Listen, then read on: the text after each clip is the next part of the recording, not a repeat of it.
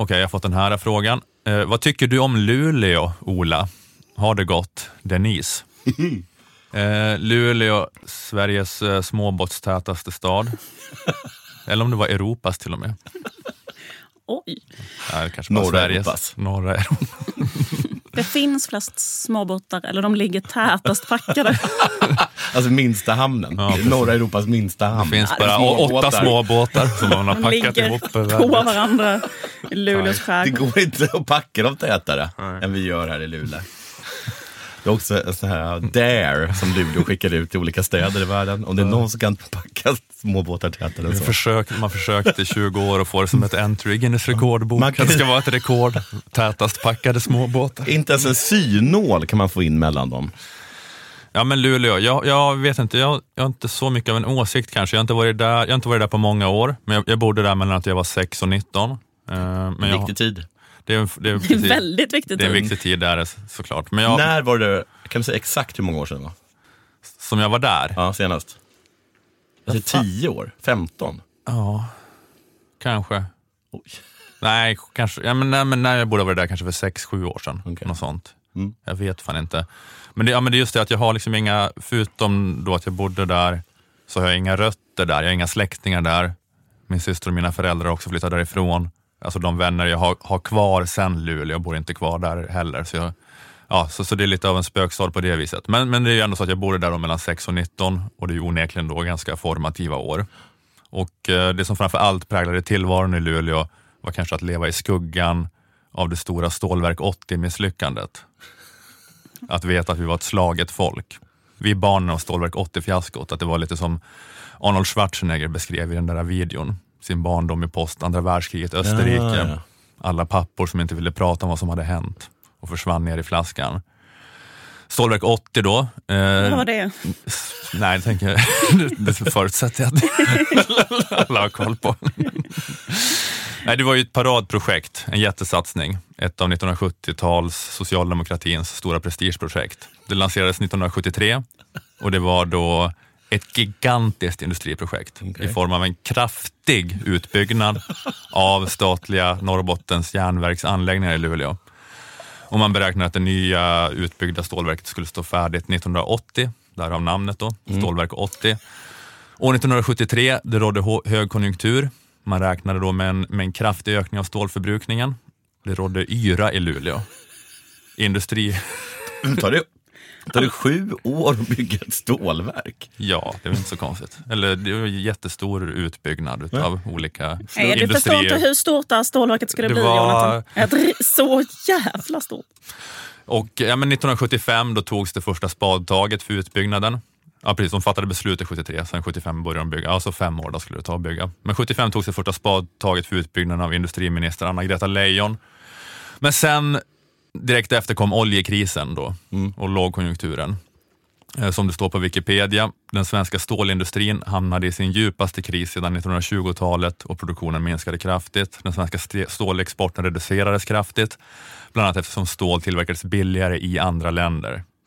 Kineserna kom kanske. och- Ja. Och även, in, även inom Sverige kom efterfrågan på stål att krympa när varvsindustrin växlade ner, verkstadsindustrin inte längre växte och bostadsbyggandet minskade.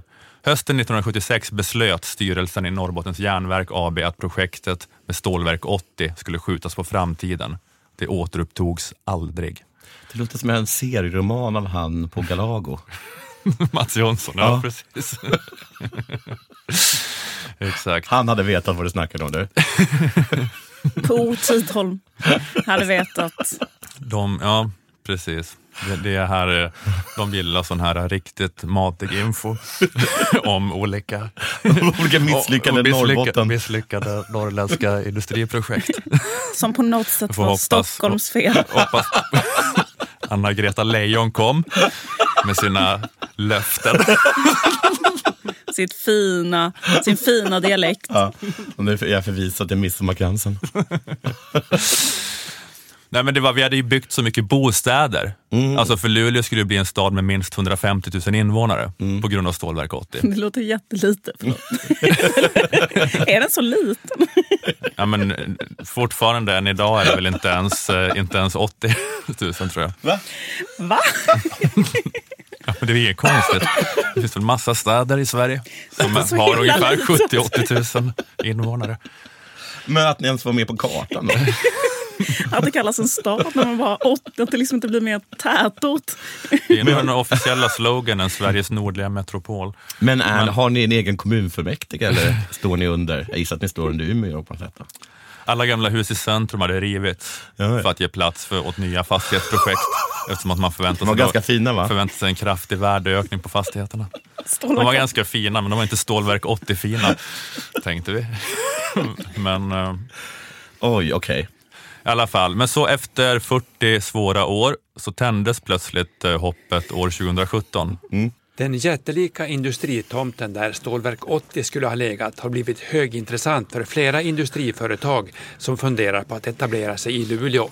Det säger kommunalrådet Niklas Nordström, Socialdemokraterna. 40 år efter Stålverk 80-kraschen så har vi nu igen fått förfrågningar och skarpa, skarpa diskussioner om Svartön, området som ligger bredvid SSAB och, och bredvid hamnen. Släpp det! det är för fan värre än Israel-Palestina. Släpp det! Den här jävla lögnen. Släpp det bara. Det var batteriföretaget Northvolt Nej. som skulle etablera en batterifabrik i Norrland.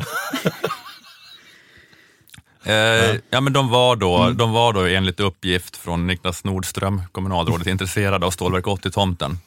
Men de valde Skellefteå till slut. Då. det Så tomten är fortfarande... Ja, det finns en gigantisk industritomt där som är up for grabs. Och som, Man eh, kan få ligger för där, ganska billig penning det som. som bara är som en, precis, är som något som grinar, eh, ja, det, ja precis, det är som Det är en som- förolämpning. Ligger som, det mitt i Luleå? alltså är, det liksom en, är, det, är liksom stan en krans runt den tomten? Vi har sagt så här, ska vi inte, kan vi inte, ska vi kanske ska bygga bostäder eller något sådär, men vi bara, nej vi väntar. En dag kommer Anna-Greta Leijon tillbaka. Varje... Anna-Greta Leijon är död. Nej, hon lever. Det, det sägs att i, i Hon Luleå, har en dotter. i Luleå låter de alltid en eh, så här, söt cider stå öppen runt hennes födelsedag. Och då brukar jag säga att Anna-Greta Leijon kommer dit och suger lite på den. För hon kommer tillbaka.